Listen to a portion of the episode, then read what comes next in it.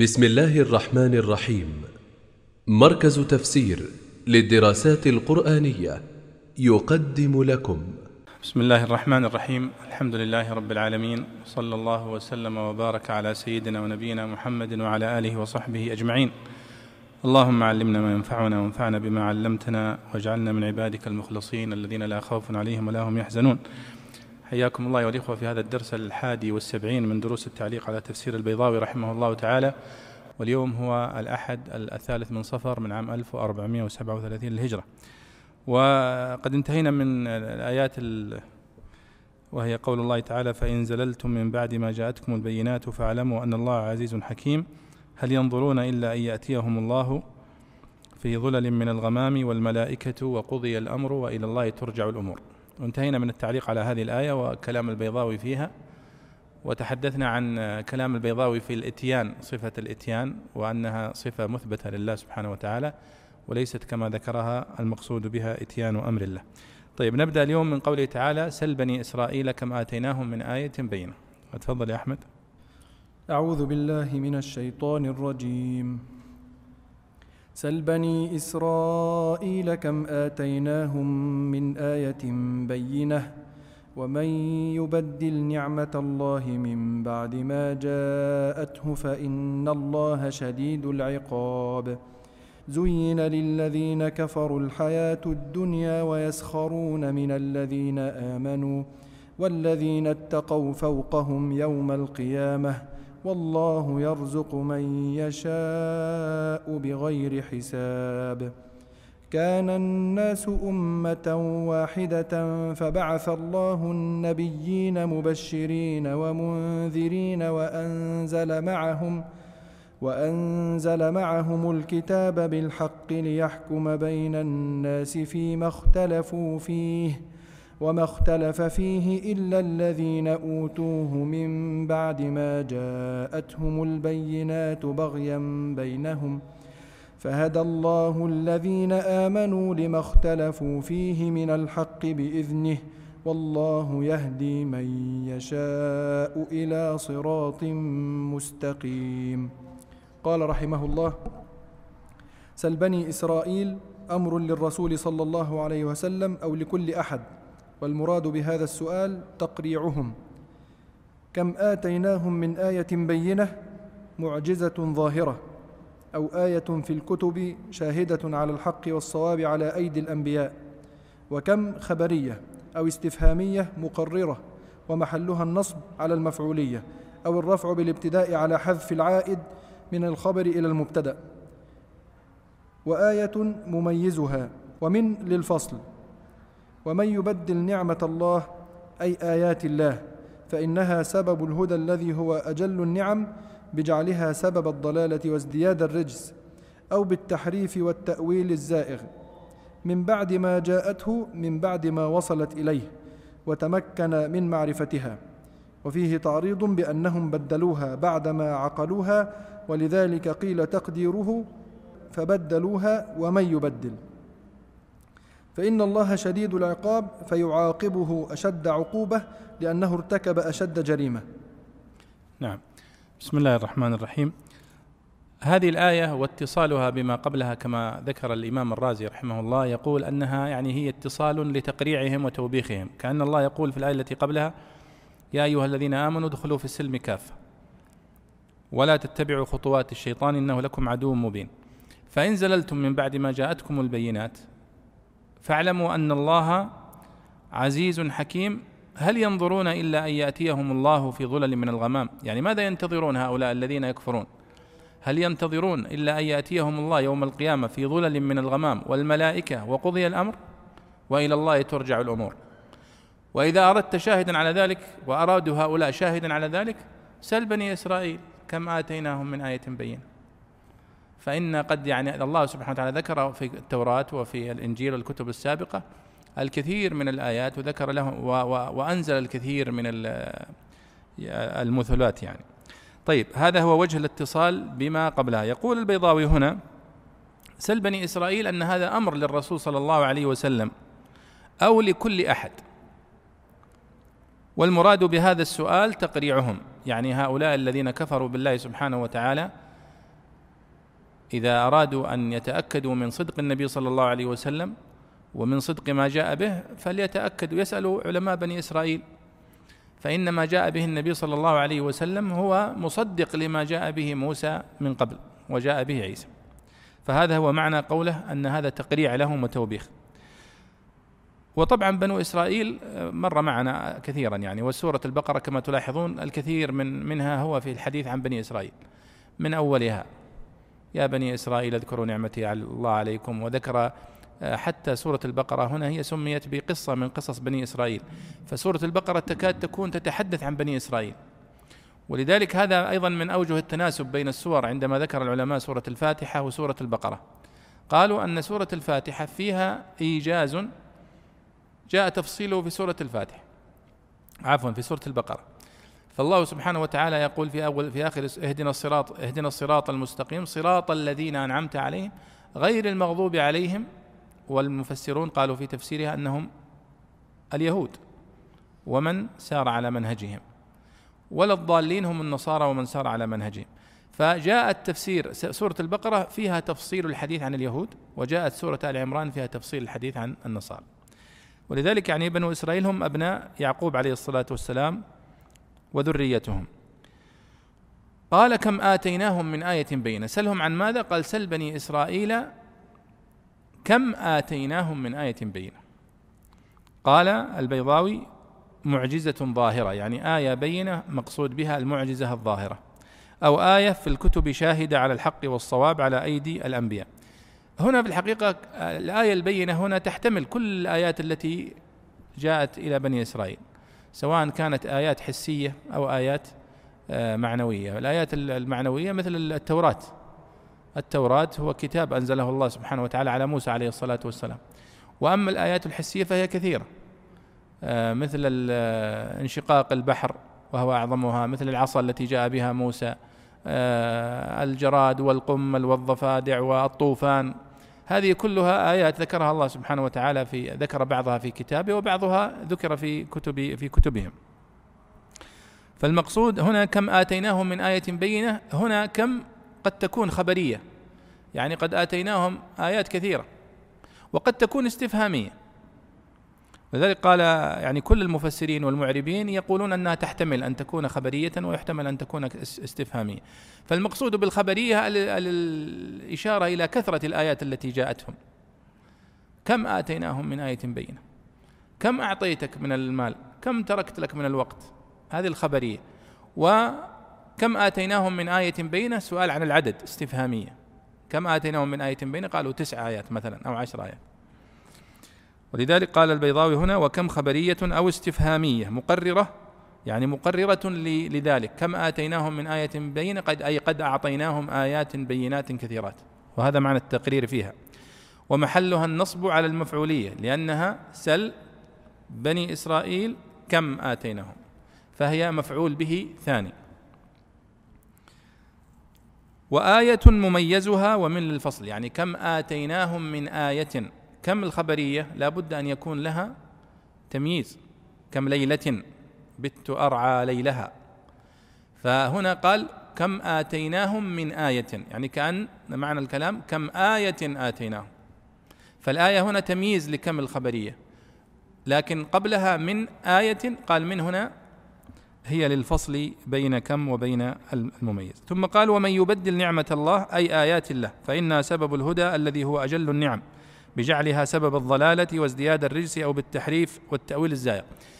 يعني كأن المقصود هنا بنعمة الله كل النعم التي أنعم الله بها عليهم وهناك قاعدة يعني في اللغة هي أن المضاف إذا أضيف عفوا المفرد إذا أضيف فإنه يدل على العموم. لذلك هنا قال كم آتيناهم من آية بينة. ومن يبدل نعمة الله نعمة مفرد. أضيفت إلى لفظ الجلالة نعمة الله. فقلنا المقصود بها كل النعم التي أنعم الله بها عليه. وأجلها هي نعمة الوحي الذي أنزله الله عليهم لأن الوحي هو سبب الهدى الذي كانوا فيه كما أن الوحي الذي أنزل على النبي صلى الله عليه وسلم هو سبب الخير الذي نحن فيه. فهو أعظم المعجزات لأن التوراة التي أنزلت على موسى هي في الحقيقة معجزة يعني هي تعتبر آية موسى عليه الصلاة والسلام العظيمة. لماذا؟ لأنها هي التي اهتدى الناس بالتش... بالتعاليم التي فيها. في حين أن المعجزة العصا هي معجزة إقناعية. تقيم الحجة عليهم أن موسى نبي مرسل من عند الله بدليل عجزهم عن الإتيان بمثل المعجزة. لكن طيب ثم بعد أن نقتنع كيف نهتدي؟ هذه التوراة بما فيها من تعاليم. ولذلك قال الله ولو أنهم أقاموا التوراة والإنجيل إلى آخره. لكن نحن في معجزة النبي صلى الله عليه وسلم جمعت بين الأمرين فكانت هي المعجزة القاطعة للتحدي وفي نفس الوقت فيها الهداية والنور وهذا لم يكن إلا للنبي صلى الله عليه وسلم. ولذلك تكرر معنا الحديث عن هذه النقطة وهي أن معجزة النبي صلى الله عليه وسلم الأصلية والكبرى هي القرآن الكريم وهو معجزة عقلية. وبالتالي كل من يقرأ القرآن اليوم يتأثر به. سواء كان عربيا أو غير عربي أو كان مسلم أو غير مسلم. لا زال القرآن الكريم هو الحجة الكبرى والمعجزة الكبرى التي يدخل الناس فيها أو بسببها في الإسلام إلى اليوم يعني. ولذلك آه، المعجزات الحسية هي ممتازة ورائعة ومقنعة ولكنها تقتصر على من شهدها فقط. نحن اليوم نشهد بمعجزة موسى لكننا بحسب ما أخبرنا الله في القرآن. نحن ما رأيناها. ولا حتى رأيناها في المتاحف. مع أن المتاحف احتفظت بأشياء أقدم منها وأقل أهمية لكنها لم تحتفظ بعصا موسى. ولذلك أحمد شوقي أخذ هذا المعنى في الميمية في نهج البردة فقال آياته كلما جاء طال المدى جدد يزينهن جلال العتق والقدم. جاء النبيون بالآيات فانصرمت. وجئتنا بكتاب غير منصرم. يعني هذا هو المعنى. أنك جئتنا بكتاب ما ينتهي مفعوله. كلما تقرأه تتأثر به. وهذا ولذلك النبي صلى الله عليه وسلم ذكر هذا في الحديث الصحيح. فقال ما من نبي من الأنبياء قبلي إلا وأوتي من الآيات ما مثله آمن عليه البشر. وكان الذي أوتيته وحيا أوحاه الله إلي. فأرجو أن أكون أكثرهم تابعا يوم القيامة. لماذا؟ لأن الذين يدخلون في ديني مستمرون. أضف إلى ذلك طبعا نقطة أهم في هذا الموضوع وهو أن النبي صلى الله عليه وسلم بعث إلى الناس كافة. يعني الرسالة العالمية الوحيدة هي رسالة النبي صلى الله عليه وسلم. بقية الرسل أو السابقين كانت رسالتهم محلية فهي غير قابلة للانتشار. ولذلك انتشار النصرانية هو مخالف لتعاليم النصرانية نفسها. يعني عيسى عليه الصلاة والسلام لا يرضى هذا الذي يحدث. ولذلك في التوراة أو في الإنجيل أنه لما جاءته امرأة من سوريا سريانية أو سورية قال لها إنما بعثت إلى خراف بني إسرائيل الضالة. ولم يؤمر عيسى عليه الصلاة والسلام أن يبلغ رسالته إلى خارج نطاق بني إسرائيل. ولذلك العلماء يتحدثون في التفسير لماذا سليمان عليه الصلاة والسلام أرسل الهدهد إلى بلقيس مع أنه هو من أنبياء بني إسرائيل وليس مكلفا بأن يعني يدعو غيره. ولذلك بعضهم يخرجها على أنه تصرف هذا التصرف كملك وليس كنبي. بعض التخريجات التي ذكرت. أما النبي صلى الله عليه وسلم فقد اختصه الله بهذا الفضل أنه أرسل إلى الناس كافة وقال الله سبحانه قل إني إني رسول الله إليكم جميعا. إنا أرسلناك كافة للناس بشيرا ونذيرا. وهو عليه الصلاة والسلام قال أوتيت خمسا لم يؤتهن أحد من الأنبياء قبلي. وذكر منها عليه الصلاة والسلام قال وكان النبي يبعث إلى قومه خاصة. وبعثت إلى الناس كافة. فاذا يعني كثرة أتباع النبي صلى الله عليه وسلم لها يعني أسباب موضوعية. السبب الأول أنه أرسل إلى الناس كافة والأمر الثاني أن معجزته التي بها أرسل أو معجزته الكبرى عليه الصلاة والسلام لأن له معجزات أخرى هي القرآن الكريم. البيضاوي هنا عندما فسر الآية البينة قال معجزة ظاهرة. أو آية في الكتب شاهدة على الحق والصواب على أيدي الأنبياء. الحقيقة هذه النقطة يثيرها بعض الباحثين اليوم. وهي أننا لماذا نستخدم كلمة معجزة؟ عندما نصف القرآن الكريم ونقول هذه معجزة ولماذا نستخدم أيضا ما, ما وقع على يد النبي صلى الله عليه وسلم بأنه معجزات؟ علما أن هذه اللفظة لفظة معجزة لم تحفظ لا في القرآن ولا في السنة بمعنى اللفظة نفسها يعني معجزة لكن موجودة موجودة معاجزين أعجزت أن أكون مثل هذا الغراب ونحوه لكن معجزة ما وردت بالمعنى الذي نتداوله بها اليوم يعني أن المعجزة هي آه، يعني أمر خارق للعادة مقرون بالتحدي يظهره الله على يدي نبي من أنبيائه. فلماذا لا نستخدم العبارات التي وردت في القرآن الكريم وهي الآية السلطان ونحو ذلك؟ آه، اليوم كل الكتب المؤلفة باسم معجزة إعجاز القرآن معجزات الإعجاز وكذا. فيعني هي من حيث ال من حيث ال يعني ال الشكل العام لهذه النقطة أو الدعوة هي دعوة ليست يعني بعيدة عن الصواب يعني أن الالتزام بالإصطلاحات الشرعية أو العبارات الشرعية أولى أن نقول يعني آيات القرآن بدل أن نقول إعجاز القرآن.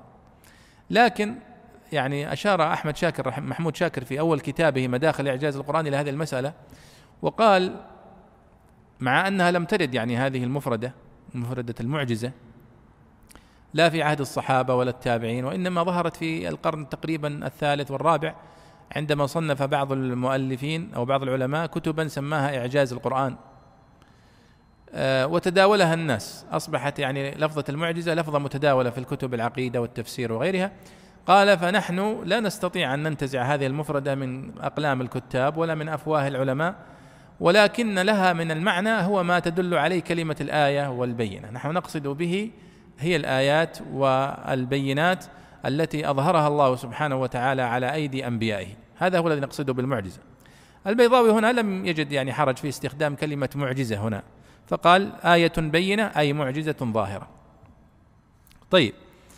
قال ومن يبدل نعمة الله؟ قلنا آيات الله. يعني نعمة الله المقصود بها نعم الله لأنها مفرد أضيف إلى أو مصدر أضيف إلى مفرد نعمة الله فدل على أن المقصود بها نعم الله. يعني كأن المقصود الآية ومن يبدل آيات نعم الله عليه. وقد ورد في سورة النحل وفي الأنبياء وإن تعدوا نعمة الله لا تحصوها. نفس الفكرة. نعمة الله مفرد مضاف فهو يدل على العموم. ولو كانت مفرد ما لا يمكن إحصاؤها صح؟ وإن تعدوا نعمة الله لا تحصوها. فالذي لا يحصى هو الجمع الذي لا يمكن يعني حصره. آه ثم قال هنا فإنها سبب الهدى الذي هو أجل النعم بجعلها سبب الضلالة وازدياد الرجس أو بالتحريف والتأويل. يعني يقول الله سبحانه وتعالى هنا أن هذه الآيات البينات التي أنزلها الله عليكم المقصود بها هدايتكم. فماذا صنعوا؟ حرفوها وبدلوها. فبدل أن كانت هي سبب هدايتهم صارت سبب زيغهم وضلالهم بسبب تحريفهم لها وعبثهم بها. فهذا هو من تبديل النعمة. ثم قال بعدها في قيد مهم جدا قال من بعد ما جاءته يعني أنه عبث وحرف هذه الآيات من بعد أن جاءته وفهمها وعرفها حق المعرفة ثم حرفها. وهذا أشد في التوبيخ والتقريع من لو كان يعني علمها معرفة ظاهرة أو سطحية أو وصلته ولم يقرأها لكن هنا عرفها من بعد ما جاءته. فإن الله شديد العقاب. يعني قال من بعد ما وصلت إليه وتمكن من معرفتها وفيه تعريض بأنهم بدلوها بعدما عقلوها. ولذلك قيل تقديره فبدلوها. يعني ومن يبدل نعمة الله من بعد ما جاءته فبدلوها. يعني جاءتهم فعرفوها فبدلوها بعد ذلك. فإن الله شديد العقاب فيعاقبه أشد عقوبة لأنه ارتكب أشد جريمة. يعني هذا هو معنى الآية. تفضل يا شيخ اللي بعدها. قال رحمه الله زين للذين كفروا الحياة الدنيا حسنت في أعينهم وأشربت محبتها في قلوبهم حتى تهالكوا عليها وأعرضوا عن غيرها. والمزين في الحقيقة هو الله تعالى إذ ما من شيء إلا وهو فاعله ويدل عليه قراءة زين على البناء للفاعل.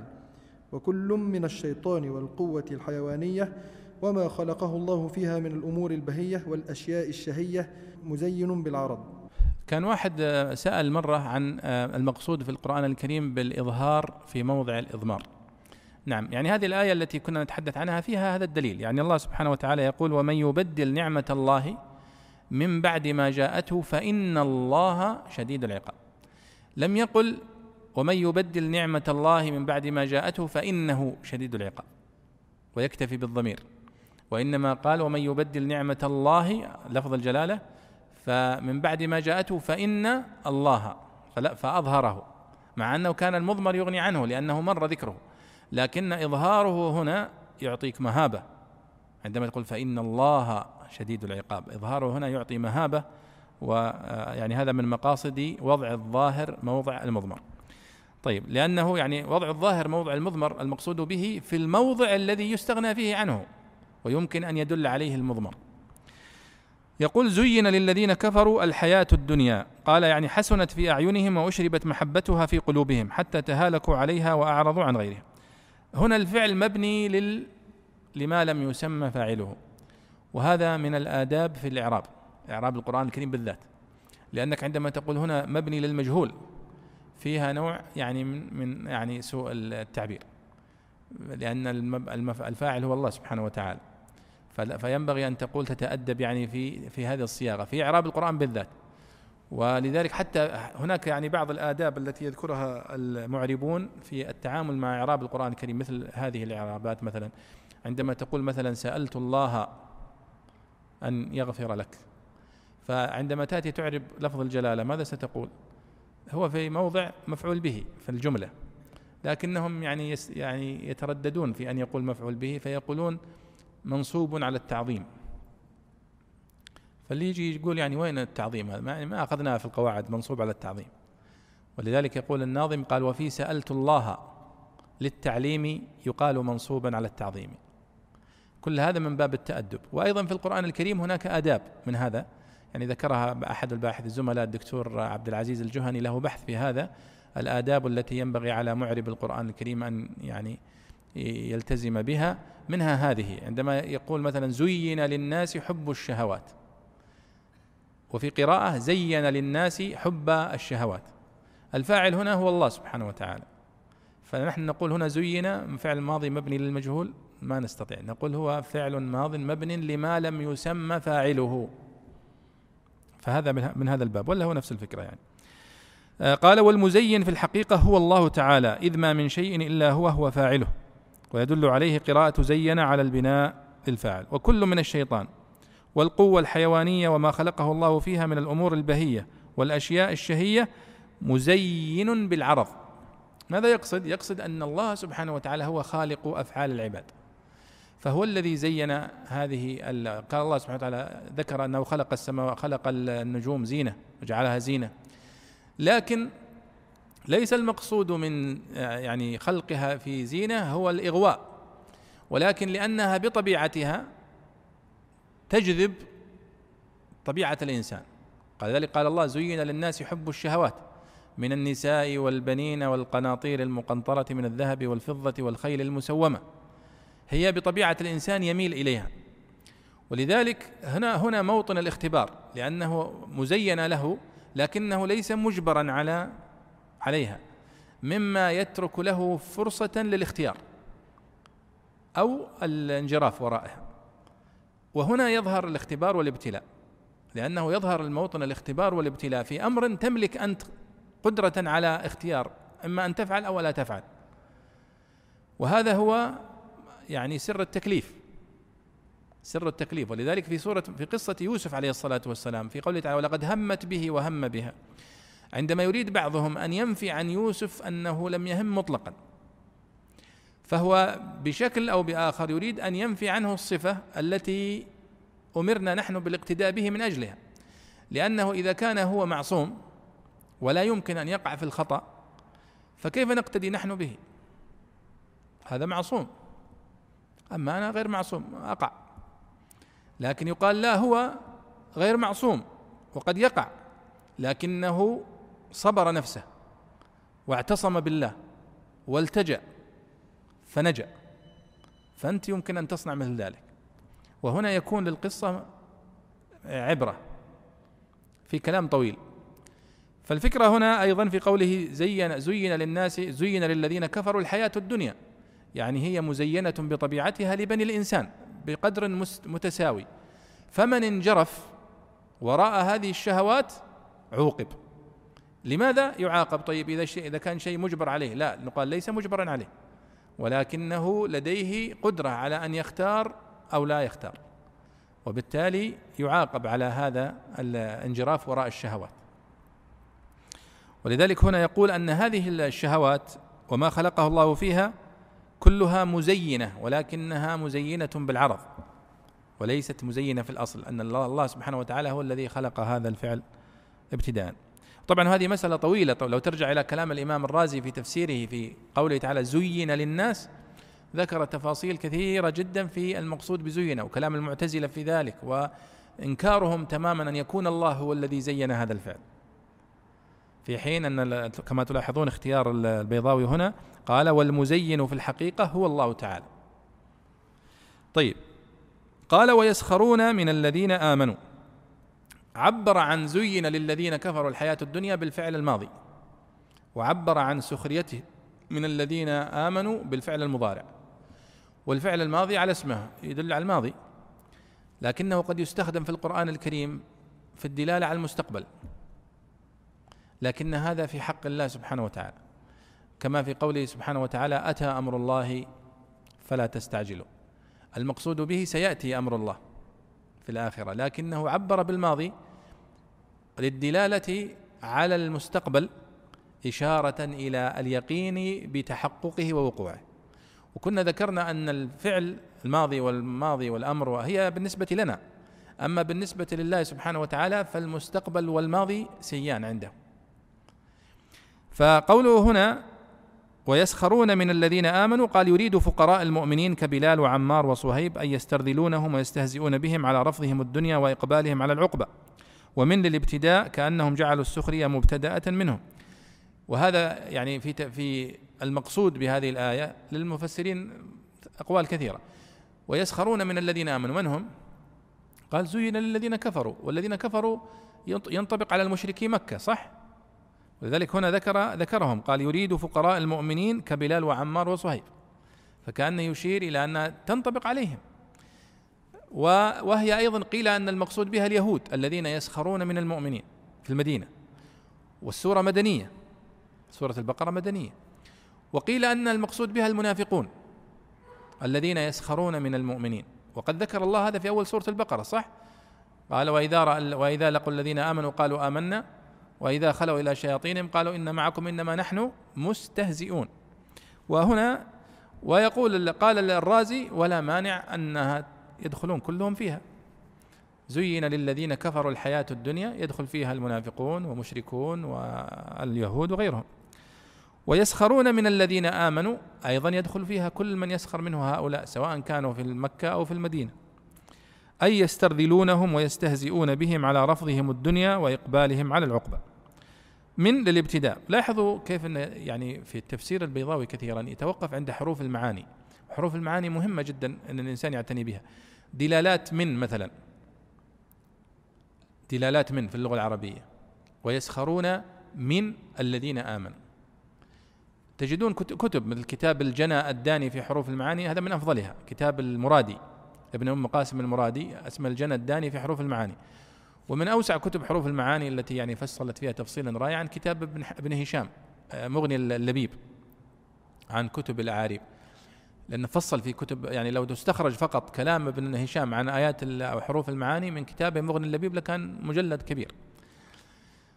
آه فمن مثلا هنا تدل على ابتداء الغاية خرجت من الرياض إلى جدة. فمن تدل على ابتداء الغاية وإلى تدل على انتهاء الغاية. تقول أعطيتك من المال فهي تدل على التبعيض. هذا خاتم من ذهب. هذه من التي تدل على بيان الجنس من ذهب أو من فضة وهكذا. فمن هنا قال هي تدل على ابتداء الغاية ويسخرون من الذين آمنوا. فكأنهم جعلوا هؤلاء المساكين الفقراء هم يعني أبر يعني مبتدأ السخرية. ما كان في السخرية قبلهم حتى طلع هؤلاء فهم اللي بدأت السخرية منهم. وهذا لا شك أن في نوع كبير من السخرية والاستهزاء. قال مبتدأ منهم والذين اتقوا فوقهم يوم القيامة. ثم ذكر ثلاثة تعليلات. والذين اتقوا فوق هؤلاء المستهزئين يوم القيامة. قال لأنهم في عليين وهم في أسفل السافلين. فكأنه يتكلم عن علو هنا مكاني. لأن المؤمنين في, في الآخرة في عليين وهؤلاء في سجين والسجين في أسفل سافلين. قال أو لأنهم في كرامة وهم في مذلة. فالمقصود إذن بالفوقية هنا فوقية إيش؟ فوقية رتبة يعني. هذول في كرامة معززين مكرمين وهذول في مذلة. أو لأنهم يتطاولون عليهم فيسخرون منهم كما سخروا منهم في الدنيا. يعني في الآخرة الله سبحانه وتعالى يعني يطلع أهل الجنة على أهل النار. وهم في النار. وقد ذكر الله سبحانه وتعالى في سورة الأعراف شيء من هذا. ونادى أصحاب الجنة أصحاب النار. أن قد وجدنا ما وعدنا ربنا حقا. فهل وجدتم ما وعد ربكم حقا؟ قالوا نعم. فأذن مؤذن بينهم اللعنة الله على الظالمين. فالشاهد أن هناك يعني نوع من التواصل بينهم. وهذا قد يكون فيه هذا سخرية منهم يوم القيامة. والذين اتقوا فوقهم يوم القيامة. فهذه الفوقية تشتمل تحتمل كل هذه الأنواع الثلاثة. فوقية الرتبة المكانية وفوقية الرتبة لل يعني مكانتهم ورتبتهم أو المقصود بها في الآخرة في سخريتهم منهم وهم في الجنة وهم في النار. قال وإنما قال والذين اتقوا بعد قوله من الذين آمنوا ليدل على أنهم متقون وأن استعلاءهم للتقوى. يعني الله يقول ويسخر ويسخرون من الذين آمنوا والذين اتقوا فوقهم يوم القيامة. ولم يقل والذين آمنوا فوقهم يوم القيامة. إشارة إلى أنهم يتصفون فوق صفة الإيمان بصفة التقوى وأن هذه الصفة اللي هي صفة التقوى كانت هي السبب في هذا الاستعلاء. ودائما في القرآن الكريم الله سبحانه وتعالى يعلق يعلق الجزاء بالصفة. فمثلا مثل هنا مثلا يقول والذين اتقوا فوقهم يوم القيامة ما هو سبب استعلائهم التقوى. فدل على أنه يزيد علو الإنسان واستعلاؤه على الظالمين يوم القيامة وعلى الكافرين بمقدار ما عنده من هذه الصفة وهي صفة التقوى. كما قال مثلا إن الأبرار لفي نعيم. نعيم لماذا؟ بسبب برهم. فكلما زادت هذه الصفة في الإنسان المؤمن وهي صفة البر زادت زاد النعيم. وإن الفجار لفي جحيم أيضا بسبب فجورهم. فكلما اتصفوا زادت اتصافهم بهذه الصفة وهكذا يعني. قال والله يرزق من يشاء بغير حساب بغير تقدير فيوسع في الدنيا. لأنهم يقولون أن ما كان يمكن حسابه فهو قليل. ما كان يمكن حسابه فهو قليل. فالله سبحانه وتعالى قال إنما يوفى الصابرون أجرهم بغير حساب. إشارة إلى أن أجرهم مفتوح. تماما كما أنك تعطي الآن رجل راتب محدود أو أنك تقول خذ ما تريد. خذ ما تريد معناته لا يمكن حسابه. أليس كذلك؟ فهنا نفس المعنى. قال والله يرزق من يشاء بغير حساب لكمال كرمه سبحانه وتعالى وفضله وأنه سبحانه وتعالى لا ينقص عطاؤه مهما أعطى من ملكه شيئا. وهذا لا شك أنه من صفات كماله سبحانه وتعالى. الإنسان مهما أعطى فهو يخاف. يخاف من الفقر مهما كان عنده من المال. ومهما كان كريما فإنه يفكر في أيضا أن يستبقي. ولذلك الله سبحانه وتعالى قال آه، لأمسكتم خشية الإنفاق. ما هي أول الآية؟ قل لو أنكم تملكون خزائن رحمة قل لو أنتم تملكون خزائن رحمة ربي إذا لأمسكتم خشية الإنفاق. وهي خزائن الله. لكن الله سبحانه وتعالى يعطي سبحانه وتعالى بغير حساب ولا ينقص ذلك من ملكه شيئا. سبحانه وتعالى. طيب أيوة الآية التي بعدها كان الناس أمة واحدة. قال رحمه الله كان الناس أمة واحدة. متفقين على الحق فيما بين آدم وإدريس أو نوح أو بعد الطوفان أو متفقين على الجهالة والكفر في فترة إدريس أو نوح فبعث الله النبيين مبشرين ومنذرين أي فاختلفوا فبعث الله وإنما حذف لدلالة قوله فيما اختلفوا فيه وعن كعب الذي علمته من عدد الأنبياء مئة وأربعة وعشرون ألفا والمرسل منهم ثلاثمائة وثلاثة عشر. والمذكور في القرآن باسم العلم ثمانية وعشرون. وأنزل معهم الكتاب يريد به الجنس ولا يريد به أنه أنزل مع كل واحد كتابا يخصه فإن أكثرهم لم يكن لهم كتاب يخصهم وإنما كانوا يأخذون بكتب من قبلهم. بالحق حال من الكتاب أي ملتبسا بالحق شاهدا به ليحكم بين الناس أي الله أو النبي المبعوث أو كتابه. فيما اختلفوا فيه في الحق الذي اختلفوا فيه أو فيما التبس عليهم وما اختلف فيه في الحق أو الكتاب إلا الذين أوتوه أي الكتاب المنزل لإزالة الخلاف أي عكسوا الأمر فجعلوا ما أنزل مزيحا للاختلاف سببا لاستحكامه. من بعد ما جاءتهم البينات بغيا بينهم حسدا بينهم وظلما لحرصهم على الدنيا. فهدى الله الذين آمنوا لما اختلفوا فيه أي للحق الذي اختلف فيه من اختلف. من الحق بيان لما اختلفوا فيه بإذنه بأمره أو بإرادته ولطفه. والله يهدي من يشاء إلى صراط مستقيم لا يضل سالكه. جميل. آه يقول الله سبحانه وتعالى كان الناس أمة واحدة. فبعث الله النبيين مبشرين ومنذرين وأنزل معهم الكتاب بالحق. ليحكم بين الناس فيما اختلفوا فيه. وما اختلف فيه إلا الذين أوتوه من بعد ما جاءتهم البينات بغيا بينهم فهدى الله الذين آمنوا لما اختلفوا فيه من الحق بإذنه والله يهدي من يشاء إلى صراط مستقيم. هذه الآية عظيمة يعني كان فيها تلخيص لتاريخ البشرية موجز. إن الله سبحانه وتعالى يخبرنا أن الأمة كان أن الخلق كلهم البشر كانوا أمة واحدة متفقة. هنا الآية يقول كان الناس أمة واحدة ولم يحدد هل كانوا أمة واحدة متفقة على الحق أم كانوا أمة واحدة مجتمعه على الكفر. فالبيضاوي هنا يقول كان الناس أمة واحدة متفقين على الحق. هذا اختياره مع أن الآية ما تدل على ذلك. لكن السياق قال فيما بين آدم وإدريس أو نوح أو بعد الطوفان.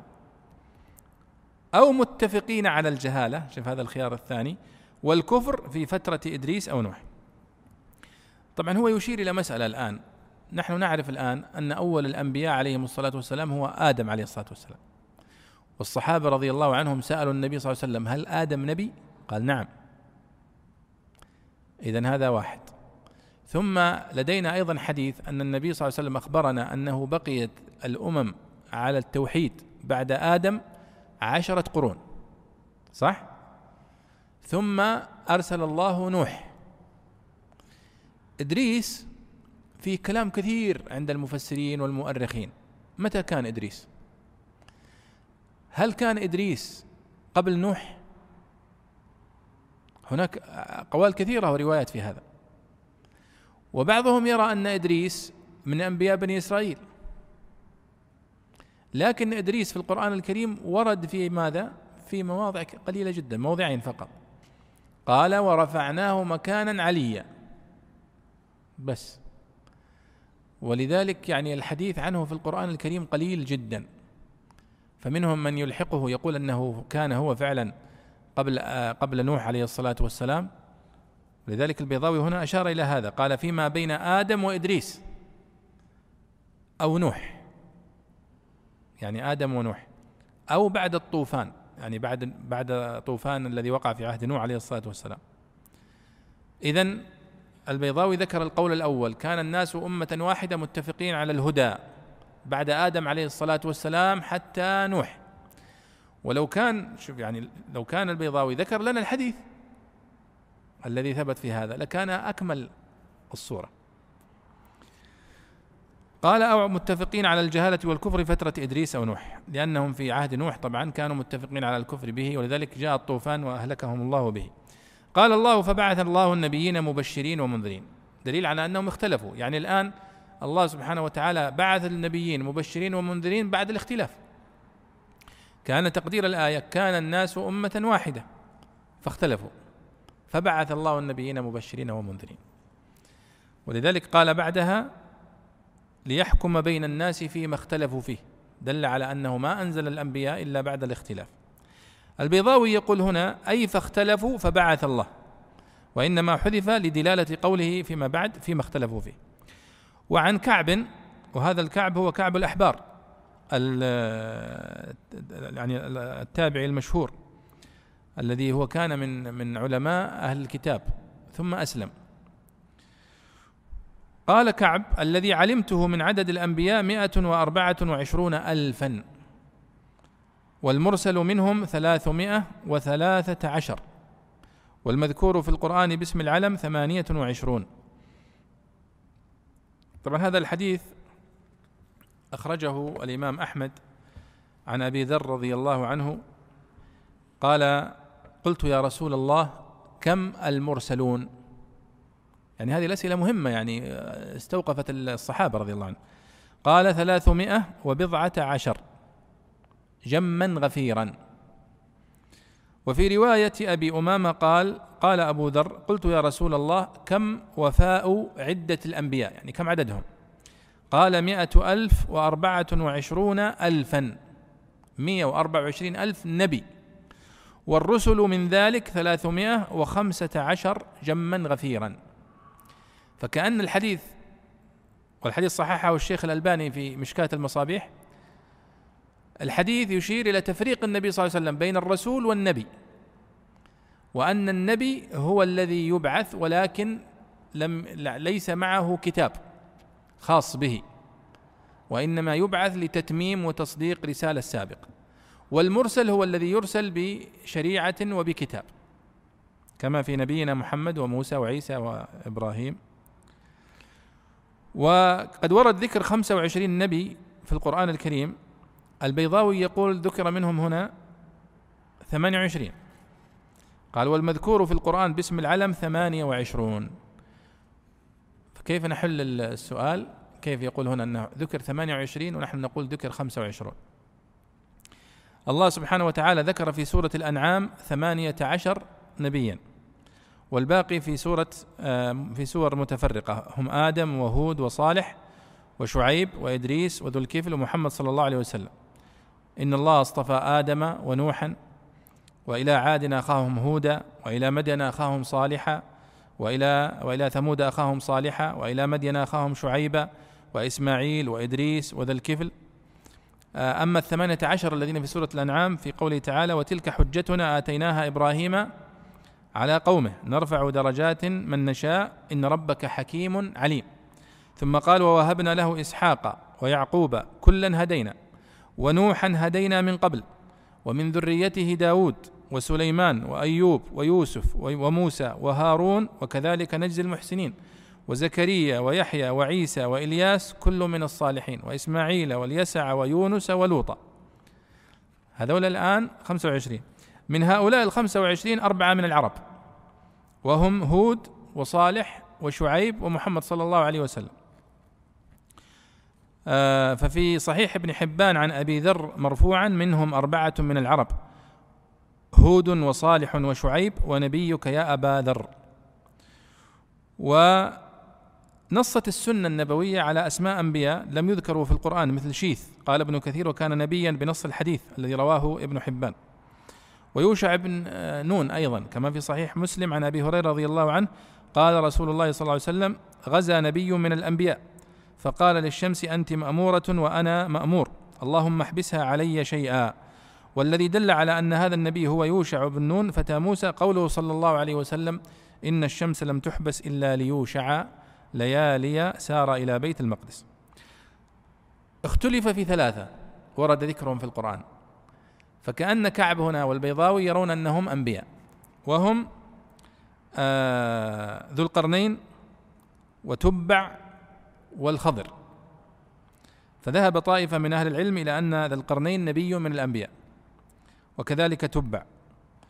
والأولى هو أن يتوقف في إثبات النبوة لهما لما صح عن رسول الله صلى الله عليه وسلم أنه قال ما أدري أتبع أنبيا كان أم لا. وما أدري أذا القرنين نبيا كان أم لا كما أخرجه الحاكم بسند صحيح. وأما الخضر فبعضهم يرجح أنه نبي لأنه قال وما فعلته عن أمري. ذلك تأويل ما لم تسطع عليه صبرا قالوا ما صنع ذلك إلا بوحي إذن. فلعل البيضاوي هنا ويشيرون إلى هؤلاء الثلاثة. يعني الخضر وتبع وذي القرنين فيصبح العدد 25 28 بدل 25 ثم قال وأنزل معهم الكتاب يريد به الجنس ولا يريد به أنه أنزل مع كل واحد كتابا يخصه. فإن أكثرهم لم يكن لهم كتاب يخصهم إنما يكونوا يأخذون بكتب من قبلهم يعني وأنزل معهم الكتاب يعني جنس الكتاب المقصود به الكتب السماوية التي أنزلت معهم. وليس مقصود أن كل نبي من الأنبياء هؤلاء أنزل له كتاب خاص. آه ثم قال وأنزل معهم الكتاب بالحق. لو سألت عن إعراب كلمة بالحق لقلنا هي حال يعني أنزله حال نزوله بالحق أي ملتبسا بالحق شاهدا بالحق.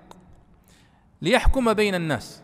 الحقيقة أن السياق يشير إلى أن المقصود الكتاب وأنزل معهم الكتاب بالحق ليحكم الكتاب هذا ليحكم بين الناس بالحق. لكن المفسرين اختلفوا. وأنزل معهم الكتاب بالحق ليحكم بين الناس بالحق. فليحكم بين الناس من هو الذي يحكم بين الناس؟ هل هو الله أو النبي الذي أنزل معه الكتاب أو الكتاب الذي جاء به النبي؟ كلها محتملة. لذلك البيضاوي جابها قال أي الله أو النبي المبعوث أو كتابه ومن وجهة نظري لو قدم الكتاب لكان أليق بالسياق. فيما اختلفوا فيه لأنه جاء بعده فقال وما اختلف فيه إلا الذين أوتوه من قبل. يعني أوتوا الكتاب. أي في الحق الذي اختلفوا فيه أو فيما التبس عليهم. وما اختلف فيه أي في الحق أو في الكتاب إلا الذين أوتوه أي الكتاب المنزل لإزالة الخلاف. أي عكسوا الأمر فجعلوا ما أنزل مزيحا للاختلاف سببا لاستحكامه.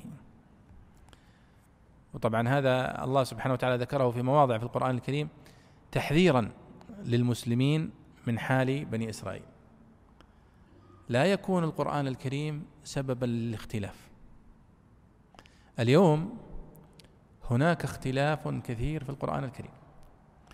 والطوائف التي خرجت عن الحق تستدل بالقرآن أيضا. الرافضة يستدلون بالقرآن. على ما هم فيه من الضلال. ولكن هذا تحريف منهم. والصوفية الغلاة يستدلون بالقرآن على ما هم فيه من الضلال. وقس على ذلك بقية الفرق المنحرفة. في حين أن الفهم الصحيح للقرآن الكريم لا يشهد إلا للمسلم الصادق المستقيم على أمر الله سبحانه وتعالى. ولذلك حتى فهم القرآن الكريم وتفسيره له أصول وضوابط. متى انحرف من يقرأ القرآن الكريم عنها ضل وأضل. كما فعل هؤلاء أنزل الله عليهم الكتاب الكتب السماوية لكي تكون سببا لهدايتهم فبعضهم حرفها وعبث بها حتى أصبحت هي سببا لضلاله اليوم لو تتبع اليوم ما في التوراة والإنجيل ضل ضللت. لما فيها من تحقير للأنبياء وفيها من الكذب وفيها من يعني التحريف الكبير الباطل. قال من بعد ما جاءتهم البينات بغيا بينهم حسدا بينهم وظلما لحرصهم على الدنيا. ولاحظوا أن الله سبحانه وتعالى سماها بينات فهي حجج واضحة وظاهرة لكن إذا أعمى الله بصيرة الإنسان أصبحت آه، يعني مضلة له. كما قال حتى في القرآن الكريم وإذا ما أنزلت سورة فمنهم من يقول أيكم زادته هذه إيمانا. فأما الذين آمنوا فزادتهم إيمانا وهم يستبشرون. فهم أصلا تلقوها وهم مؤمنين بها مخبتين منقادين. وأما الذين كفروا فزادتهم رجسا إلى رجسهم. وماتوا وهم كافرون. وهي نفس الآيات. دل على أن الاختلاف هو في نفسية المتلقي وفي عقليته وفي آه، تقبله لهذا الوحي الذي سمعه. قال الله فهدى الله الذين آمنوا لما اختلفوا فيه أي للحق الذي اختلف فيه من اختلف من الحق بيان لما اختلفوا فيه بإذنه بأمره أو بإرادته ولطفه والله يهدي من يشاء إلى صراط مستقيم لا يضل. وهذا واضح أيها الإخوة أن الهداية بيد الله سبحانه وتعالى ليست بهذه الوسائل الظاهرية التي يتخذها الإنسان. والله سبحانه وتعالى قد ذكر هذا في القرآن الكريم قال الحمد لله الذي هدانا لهذا وما كنا لنهتدي لولا أن هدانا الله. فالإنسان لا يهتدي يعني بفضل ذكائه أو بشهادته أو بقدرته على الفهم لا وإنما هو توفيق من الله سبحانه وتعالى. فهناك من هو أذكى منك. ضل لما ركن إلى عقله أو إلى فهمه ولم يركن إلى الله سبحانه وتعالى وإلى توفيقه ولذلك قال الله فهدى الله الذين آمنوا لما اختلفوا فيه من الحق بإذنه. والله يهدي من يشاء إلى صراط مستقيم. هيا تفضل يا شيخ. أعوذ بالله من الشيطان الرجيم. أم حسبتم أن تدخلوا الجنة ولما يأتكم مثل الذين خلوا من قبلكم مستهم البأساء والضراء وزلزلوا حتى يقول الرسول والذين آمنوا معه متى نصر الله؟ ألا إن نصر الله قريب. يسألونك ماذا ينفقون قل ما أنفقتم من خير فللوالدين والأقربين فللوالدين والأقربين واليتامى والمساكين وابن السبيل وما تفعلوا من خير فإن الله به عليم. يقول رحمه الله أم حسبتم أن تدخلوا الجنة خاطب به النبي صلى الله عليه وسلم والمؤمنين بعدما ذكر اختلاف الأمم على الأنبياء بعد مجيء الآيات تشجيعا لهم على الثبات مع مخالفتهم. وأم منقطعة ومعنى الهمزة فيها الإنكار. ولما يأتكم ولم يأتكم. وأصل لما لم زيدت عليها ما. وفيها توقع. ولذلك جعلت مقابل قد. مثل الذين خلوا من قبلكم حالهم التي هي مثل في الشدة. مستهم البأساء والضراء بيان له على الاستئناف. وزلزلوا وأزعجوا إزعاجا شديدا بما أصابهم من الشدائد. حتى يقول الرسول والذين آمنوا معه لتناهي الشدة واستطالة المدة بحيث تقطعت حبال الصبر. وقرأ نافع يقول يقول بالرفع على أنه حكاية على أنه حكاية حال ماضية كقولك مرض حتى لا يرجونه. متى نصر الله استبطاء له لتأخره؟ ألا إن نصر الله قريب استئناف على إرادة القول أي فقيل لهم ذلك إسعافا لهم إلى طلبتهم من عاجل النصر. وفيه إشارة إلى أن الوصول إلى الله تعالى والفوز بالكرامة عنده برفض الهوى واللذات ومكابدة الشدائد والرياضات كما قال عليه الصلاة والسلام حفت الجنة بالمكاره وحفت النار بالشهوات. نعم. طبعا لا زال الحديث هنا عن هذه السنن التي جعلها الله سبحانه وتعالى في خلقه وأن من السنن التي جعلها الله سبحانه وتعالى في النبوات وفي الرسالات وفي الدعوات هو الابتلاء. فالله سبحانه وتعالى يقول أن الناس كانوا أمة واحدة والله بعث الأنبياء وأنزل معهم الكتب فهدى الله سبحانه وتعالى طائفة وأضل طائفه هذه هي سنة الله سبحانه وتعالى في خلقه و يعني كما قال في بداية الحديث سل بني إسرائيل. يعني اللي ما عنده معرفة ولا عنده خبرة في هذا يسأل. إذا كان ما هو مطمئن إلى ما تقول يا محمد يسأل الرسالات السابقة. طيب ثم يقول هنا أم حسبتم أن تدخلوا الجنة ولما يأتكم مثل الذين خلوا من قبلكم؟ ماذا كان من حالهم؟ قال مستهم البأساء والضراء وزلزلوا. يعني ابتلوا ابتلاء شديدا وزلزلوا زلزالا شديدا حتى يقول الرسول شوف من شدة الابتلاء ما هو بالأتباع؟ العادة أن الرسول هو أصبر الناس لكن هنا لا الرسول هو الذي يقول قبل الأتباع. حتى يقول الرسول والذين آمنوا معه متى نصر الله؟ وطبعا هذا السؤال ليس المقصود به أنهم لا يعتقدون أن الله سوف ينصر عباده المؤمنين. هذا لا يفعله نبي. لكنهم استبطأوا الله قد وعدهم بالنصر ولكن طول. بدليل أنه لما أجابهم في الجواب قال ألا إن نصر الله قريب. ولم يقل لهم سيأتي. فهم لم يكونوا منكرين لنصره حتى يقال لهم سوف ينصركم الله. وإنما كانوا استبطأوا الوقت. فجاء الجواب ألا إن نصر الله قريب فاصبروا. فهنا يقول الله سبحانه وتعالى يعني هل حسبتم هذا استفهام المقصود به الاستنكار له على عليهم يعني. هل تظنون أن يعني سنة الله سبحانه وتعالى أن آه، يدخل الناس الجنة دون ابتلاء ودون تمحيص؟ لا. ولذلك قال الله في سورة العنكبوت ألف لام ميم. أحسب الناس أن يتركوا؟ أن يقولوا آمنا وهم لا يفتنون؟ ما يمكن هذا. ولقد فتنا الذين من قبلهم فلا يعلمن الله الذين صدقوا ولا يعلمن الكاذب. فهو نفس المعنى الذي في هذه الآية في قول أم حسبتم أن تدخلوا الجنة ولما يأتكم مثل الذين خلوا من قبلكم. فخاطب به النبي صلى الله عليه وسلم وخاطب به المؤمنين بعدما ذكر اختلاف الأمم على الأنبياء. بعد مجيء الآيات تشجيعا لهم على الثبات مع مخالفتهم. يعني للنبي صلى الله عليه وسلم وللصحابة الكرام رضي الله عنهم تثبيت لهم على ما هم فيه من البلاء والشدة وأن هذه سنة الله سبحانه وتعالى في الأنبياء السابقين. ولو لاحظتم في القرآن الكريم تثبيت الله لنبيه صلى الله عليه وسلم ولأتباعه في آيات كثيرة جدا. في آيات كثيرة. وقد كتب أحد الزملاء وهو الدكتور عبد الرحمن هوساوي رسالة الماجستير بعنوان تثبيت النبي صلى الله أو تثبيت الله للنبي صلى الله عليه وسلم في القرآن الكريم. فجمع الآيات فإذا بها مجلد كبير.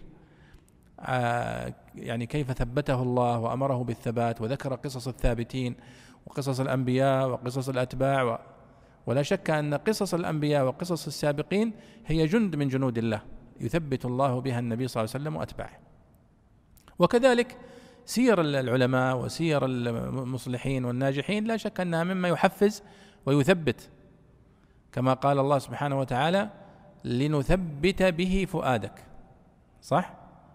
الله يقص على النبي صلى الله عليه وسلم قصص الأنبياء قال لنثبت به فؤادك طيب قال وأم منقطعة ومعنى الهمزة فيها الإنكار. منقطعة يعني أن الكلام الذي قبلها منقطع عما بعده. وهم يعبرون بالانقطاع هنا في ال في ال في الإعراب عن الانقطاع المعنوي بينهما بحيث أنها غير مرتبطة في المعنى. وبعضهم يرى أنها ليست منقطعة وإنما ما قبلها متصل بما بعده.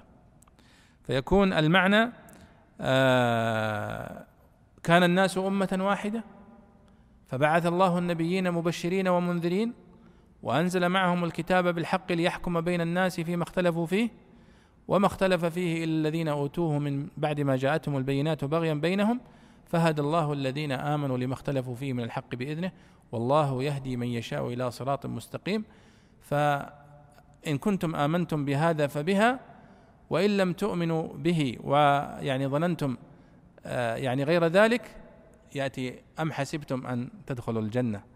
يعني إذا كنتم تظنون أن هذا غير صحيح أنتم تتوقعون دخول الجنة يعني أمر بسيط؟ لا هو مليء بالابتلاء والعقبات ويعني أكمل الآية.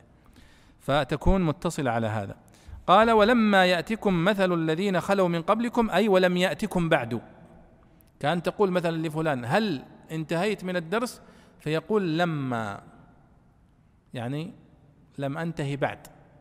فهو يقول هنا أن أصل لما هي لم زيدت عليها ما وفيها توقع ولذلك جعلت مقابل قد. قال لما ياتكم مثل الذين خلوا من قبلكم أي حالهم التي هي مثل في الشدة. ألم تبلغكم أخبارهم وقصصهم التي يعني هي أصبحت مضرب المثل في هذا؟ مستهم البأساء والضراء. والبأساء والضراء هي البأساء هي الشدة والقسوة. وضنك العيش والضراء. بعضهم يقول أن البأساء هي العيشة التي فيها قسوة وفيها حروب والضراء هي العيشة القاسية التي ليس فيها حروب. فكأن البأساء فيها آه، بأس وهو يعني آه، يعني ابتلاء بالحرب ونحوها. قال وزلزلوا يعني وأزعجوا ازعاجا شديدا بما أصابهم من الشدائد. فإذا معناه الزلزال ليس المقصود به دائما الزلزال الحسي اللي هو زلزال الأرض. إذا زلزلت الأرض زلزالها لأن الزلزلة هي الاختلال. لكن إذا قيل زلزل بنو فلان زلزلة شديدة يعني أصابهم هم شديد أزعجهم وزلزلهم. ولذلك لما قال الله سبحانه وتعالى إذ جاءوكم من فوقكم ومن أسفل منكم وإذ زاغت الأبصار وبلغت القلوب الحناجر ولا قال آه، هنالك ابتلي المؤمنون وزلزلوا زلزالا شديدا. يعني أصابهم هم وغم وشدة شديدة. وليس المقصود أنه أصابهم زلزال يعني المعروف. قال آه، يعني وزلزلوا يعني ابتلوا وأزعجوا إزعاجا إلى درجة قال حتى يقول الرسول والذين آمنوا معه لتناهي الشدة واستطالة المدة بحيث تقطعت حبال الصبر. وقرأ نافع حتى يقول الرسول حتى يقول الرسول على أنه حكاية حال ماضية. متى نصر الله؟ استبطاء لتأخره. وهذا دليل على أن السؤال هو عن الزمن وليس سؤال عن هل هناك نصر أو ليس هناك نصر لأنهم على يقين أن الله سوف ينصر عباده المؤمنين. فإذا أيها الإخوة أن سؤال الأنبياء وأتباع الأنبياء قال حتى يقول النبي والذين آمنوا معه متى نصر الله؟ هو سؤال عن الوقت وليس سؤال عن أصل النصر. يعني هل الله سبحانه وتعالى سينصرهم أو لا ينصرهم؟ لأنه لا شك أنه ما من نبي ولا من المؤمنين يتبعون هذا النبي إلا هم على يقين تام بأن العاقبة للمتقين وأن النصر لهم في العاقبة وأنهم قد يبتلون ولكن العاقبة لهم. لكن هنا قال أنهم زلزلوا و يعني ابتلوا ابتلاء شديدا حتى بلغ من شدة البلاء ومن شدة الكرب أن النبي نفسه يعني يقول يعني يا رب متى نصر الله؟ ولذلك لما سأل بعض الصحابة النبي صلى الله عليه وسلم مثل هذا السؤال قال إنكم قوم تستعجلون. أليس كذلك؟ عندما قال بعض الصحابة للنبي صلى الله عليه وسلم يا رسول الله أحدنا لا يأمن على نفسه وكذا. قال سبحان الله إنكم قوم تستعجلون. والذي نفسي بيده لا يبلغن هذا الدين ما بلغ الليل والنهار في الحديث. قال ألا إن نصر الله قريب؟ قال استئناف على إرادة القول أي فقيل لهم ذلك إسعافا لهم إلى طلبتهم من عاجل النصر. وفيه إشارة إلى أن الوصول إلى الله تعالى والفوز بالكرامة عنده برفض الهوى واللذات ومكابدة الشدائد والرياضات كما قال عليه الصلاة والسلام حفت الجنة بالمكاره وحفت النار بالشهوات. لا شك أيها الإخوة يعني هذه الآيات العظيمة التي ذيل الله بها هذه الحديث الذي مر معنا عن آيات الحج ثم جاءت هذه الآيات العظيمة التي تشير إلى سنة الله سبحانه وتعالى في خلقه. وأيضا الحديث هنا في قوله كان الناس أمة واحدة آه ثم الحديث عن سنة الابتلاء التي جعلها الله سنة ماضية وجارية ولا تتخلف عن دعوات الأنبياء والمصلحين. ما في نبي من الأنبياء جاء فدعا قومه فاستجابوا لهم فاستجابوا له جميعا وبدون أي مشاكل. لا وإنما كل نبي من الأنبياء حصل له من الابتلاء والتمحيص وأرسل يعني معه الآيات والبينات ومنهم من كذبه ومنهم من اتبعه. بعض الأنبياء لا يأتي وليس معه أحد. مما يدل على أنهم لم يستجب له أحد. وبعضهم يأتي معه الرجل والرجلان ما يدل على أنه أيضا الاستجابة ضعيفة. وهذه ترسيخ هذه المبادئ العظيمة في في دعوات الأنبياء والمرسلين عليهم الصلاة والسلام ثم في الكتب السماوية أيضا تثبيت عظيم للمسلم. لأن الإنسان يقول إذا كان هذا النبي وهذا الأتباع الأنبياء يحصل لهم هذا الابتلاء فنحن من باب أولى. نحن بعيدو العهد والنبي صلى الله عليه وسلم قد أخبر أنه أشد الناس بلاء هم الأنبياء ثم الأمثل فالأمثل. وهذا يثبت المؤمن ويعينه على الصبر على المصائب التي يصاب بها وعلى اللأواء التي تصيبه. والله في القرآن الكريم قد ذكر أجر الصابرين وأجر المحتسبين الذين يصبرون. وأخبر النبي صلى الله عليه وسلم أيضا بأنه لا يصيب المؤمن من هم ولا حزن ولا وصب ولا مرض ولا آه، إلا ويكفر بها من خطاياه والشوكة يشاكها. كل هذا من باب ماذا؟ تثبيت له ونصرته والوعد الآجل له أن الله سبحانه وتعالى سوف يجزيه بغير حساب وإنما يوفى الصابرون أجرهم بغير حساب. هذا الذي يثبت المؤمن. ولذلك تلاحظون كيف ولله الحمد في المجتمع الإسلامي نسبة الانتحار تكاد تكون صفر. مع أن العالم الإسلامي ربما هو أكثر العوالم اليوم الذي يعاني من القهر والفقر والجوع وال لاحظوا الآن منظمة المنظمات العالمية المعنية بالإغاثة والمعنية بالفقر من تعمل في أي وسط تعمل في أوساط المسلمين في الدول المختلفة في حين أن الدول الغربية ليس فيها هذا الابتلاء وهذا القتل وهذا ال ال ال الذي يحدث. وبالرغم من ذلك لا تجد في هذه المجتمعات حالات انتحار كما تجدها في الدول الغربية التي ليس فيها أي ابتلاءات إلا بسبب الخواء الروحي الذي يعيشونه أي مشكلة نفسية تمر عليه أو أي مشكلة اجتماعية قتل نفسه. وذلك ترتفع عندهم نسب الانتحار. بينما المسلم تجده في أشد حالات الضيق وهو يحمد الله ويقول الحمد لله نصبر ونحتسب والله سبحانه وتعالى لن يضيع أجر الصابرين وقد أخبرنا. هذا هو المقصود. ولاحظوا هنا أنه قال في أول الآية أم حسبتم أن تدخلوا الجنة؟ شوف جاء لك بالثمرة التي في الأخير هناك. يعني أنتم حسبتم أنتم وأنتم تعيشون في الدنيا أنكم سوف تدخلون الجنة في الآخرة دون اختبارات؟ ما يمكن. ما يدل على أن معالي الأمور ما تنال إلا بالابتلاء والاختبارات. فكلما كان الأمر أشد يعني ثمنا وأعلى قيمة كلما كانت الاختبارات التي تؤدي إليه أشد. ولا شك أن الجنة هي أعظم سلعة يسعى إليها بشر وبالتالي يجب أن يدفع الثمن. قد يدفعه أحيانا من ماله قد يدفعه من وقته قد يدفعه من دمه أحيانا وهكذا. طيب لعلنا نأخذ بعض الأسئلة آه، في الوقت المتبقي أيها الإخوة ونتوقف عند قول يسالونك ماذا ينفقون إن شاء الله. آه، يقول آه، دكتور زهير تبديل نعمة الله أي تبديل آياته ومعجزاته؟ واضحة هذه. السؤال كيف يكون تبديل آيات الله الحسية؟ قد يقال فعلا أن هذا مما يرجح أن المقصود بتبديل الآيات هنا هو الآيات التي يمكنها التبديل وهي الكتب السماوية. تحريف الكتب السماوية بالذات هو الذي تدل عليه هذه الآية ومن يبدل نعمة الله من بعد ما جاءته أي يبدل هذه الآيات التي وصلته. قال من بعد ما جاءته وقال يعني من بعد ما جاءتهم البينات ولا شك أنها تطلق على البينات المعجزات الحسية والمعنوية. لكن التبديل في المعجزات الحسية لا يمكن. يعني عصا موسى أصلا هي لا تعمل إلا في يد موسى. صح؟ آه عيسى عليه الصلاة والسلام هو لم يكن يبرئ الاكمى والأبرص إلا بنفسه. وليس هناك أحد من أتباعه يستطيع أن يصنع ذلك. حتى روي في بعض الآثار أن موسى عليه الصلاة والسلام لما وصل إلى البحر وأمره الله بالضرب البحر أمر أمر هارون أعطاه العصا وأمر هارون أن يضرب فلم فلم تنجع. فلما أخذها موسى وضرب نفعت.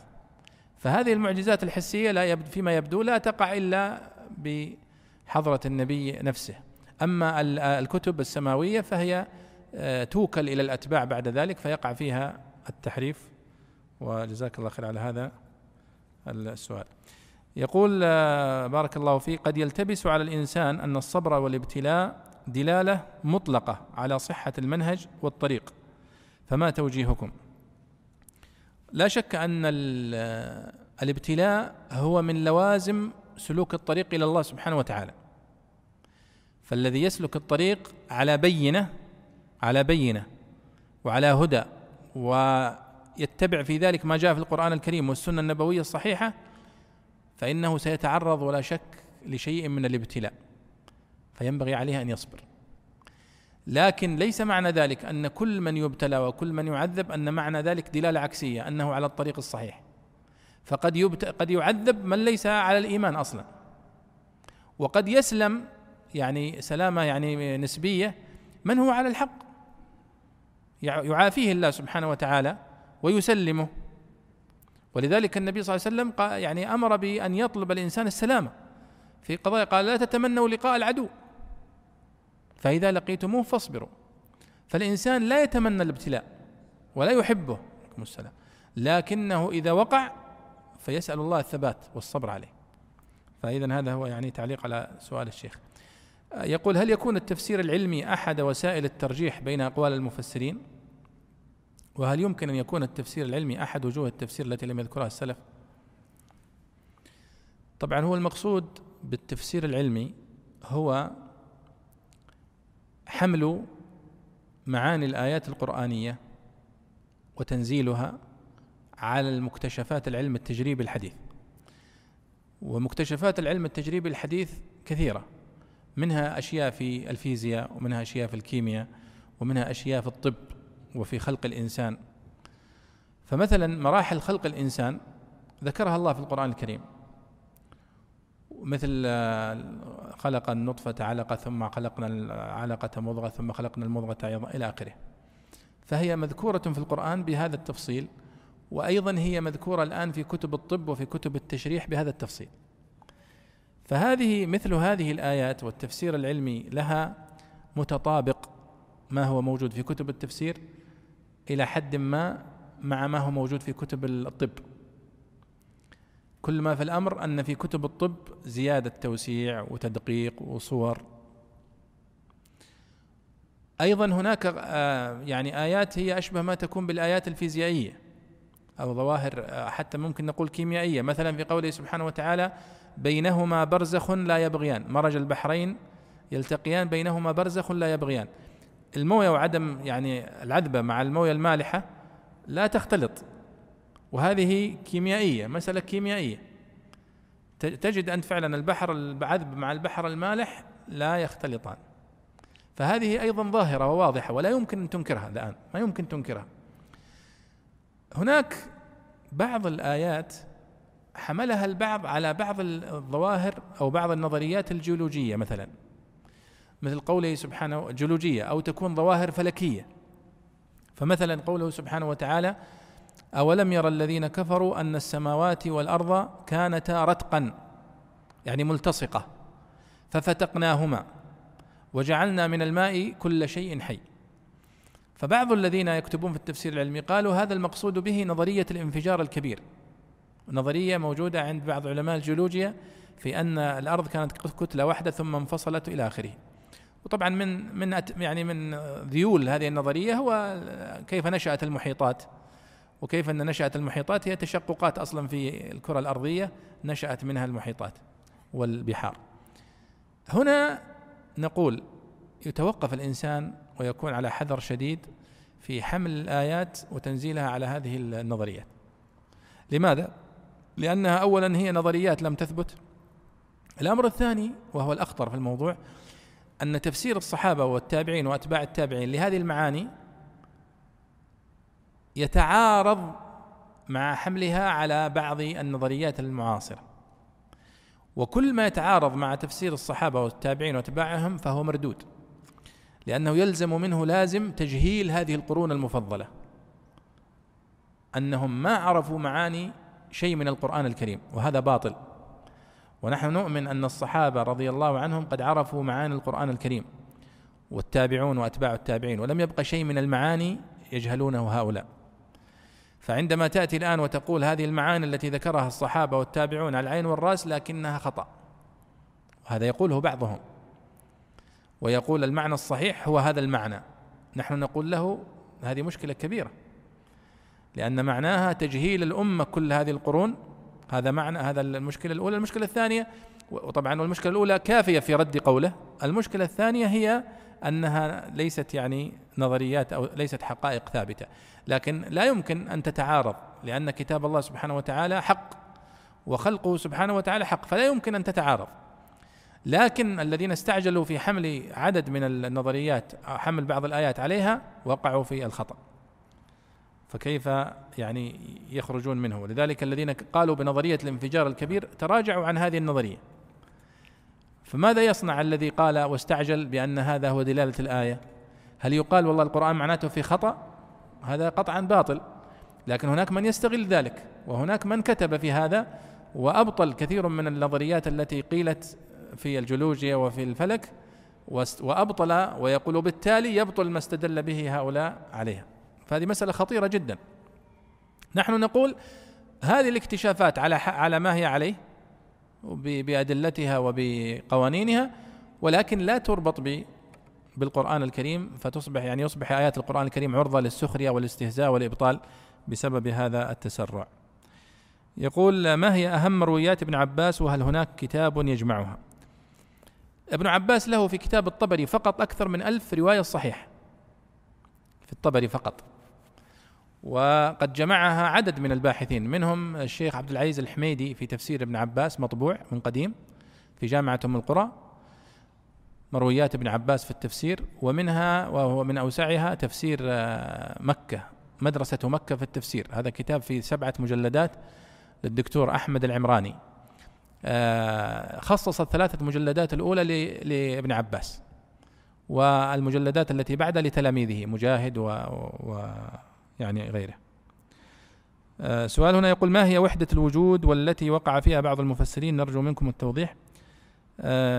طبعا أنا لا لا أعرف من هو الذي وقع فيها من المفسرين لأن هذه طبعا لا يقول بها إلا الحلولية آه، وهم الصوفية الغلاة وأمثالهم. والمقصود بالوحدة الوجود هو اتحاد الخالق بالمخلوق. يعني تعالى الله عن هذه المقولة. فيرون أن الخالق موجود في كل شيء.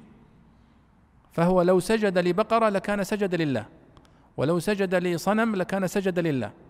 وبعضهم يقول سبحان ربي الأسفل. سبحان الله لأنه يرى أن الله موجود في كل شيء. اتحد الخالق بالمخلوق. وهذا باطل. والله سبحانه وتعالى في القرآن الكريم وفي السنة النبوية يعني أدلة عظيمة على أن الله فوق عرشه مستو على عرشه مباين لخلقه مطلع عليه وهكذا. فهذه يعني كلمة باطلة وكفرية. يقول في قوله سبحانه وتعالى وإذ قال إبراهيم رب أرني كيف تحيي الموتى هل كان الكلام هنا مباشرة أم بوحي؟ الله أعلم. يعني ليس في الآية ما يدل على أنه مباشر. ولو كان مباشرا لما كان في ذلك يعني غرابة لأن الله سبحانه وتعالى قد كلم عدد من أنبيائه مباشرة. كلم موسى وكلم محمد عليه الصلاة والسلام. ولا شك أن الخليل إبراهيم عليه الصلاة والسلام في مكانة عظيمة. ولكن الله سبحانه وتعالى ذكر لنا في سورة الشورى قال وما كان لنبي أن يكلمه الله إلا وحيا أو من وراء حجاب أو يرسل رسولا فيوحي بإذنه ما يشاء. فذكر الله ثلاثة أنواع من أنواع آه، إيصال الوحي إلى الأنبياء إما بوحي وهو الوحي الإلهام كما قال النبي صلى الله عليه وسلم فينفث في روعي. وقد سأل الصحابة الكرام رضي الله عنهم النبي صلى الله عليه وسلم قال يا رسول الله كيف يأتيك الوحي؟ لأن هذا سؤال مهم فعلا دار في أذهان الصحابة رضي الله عنهم. فقال أحيانا يأتيني كصلصلة الجرس وهو أشده علي فيفصم عني وقد وعيت عنه ما قال. فوصفه له عليه الصلاة والسلام يقول هو أنا أشعر أنه كصلصلة الجرس. لكن الذين حوله ما يسمعون صلصلة الجرس. ما أحد من الصحابة قال أنني سمعت النبي وهو يوحى عليه كصلصلة الجرس. لكن يقولون سمعنا كدوي النحل. كما قال عمر وغيره ممن سمع أو كان قريبا من النبي صلى الله عليه وسلم عندما كان ينزل عليه الوحي. فالله أعلم يعني كيف كان وحي الله لإبراهيم هنا. وإذ قال إبراهيم ربي أرني كيف تحيي الموتى؟ قال ولم تؤمن. لا أعلم هل هو مباشر أو غير مباشر. والله أعلم. وصلى الله وسلم على سيدنا ونبينا محمد وعلى آله وصحبه أجمعين.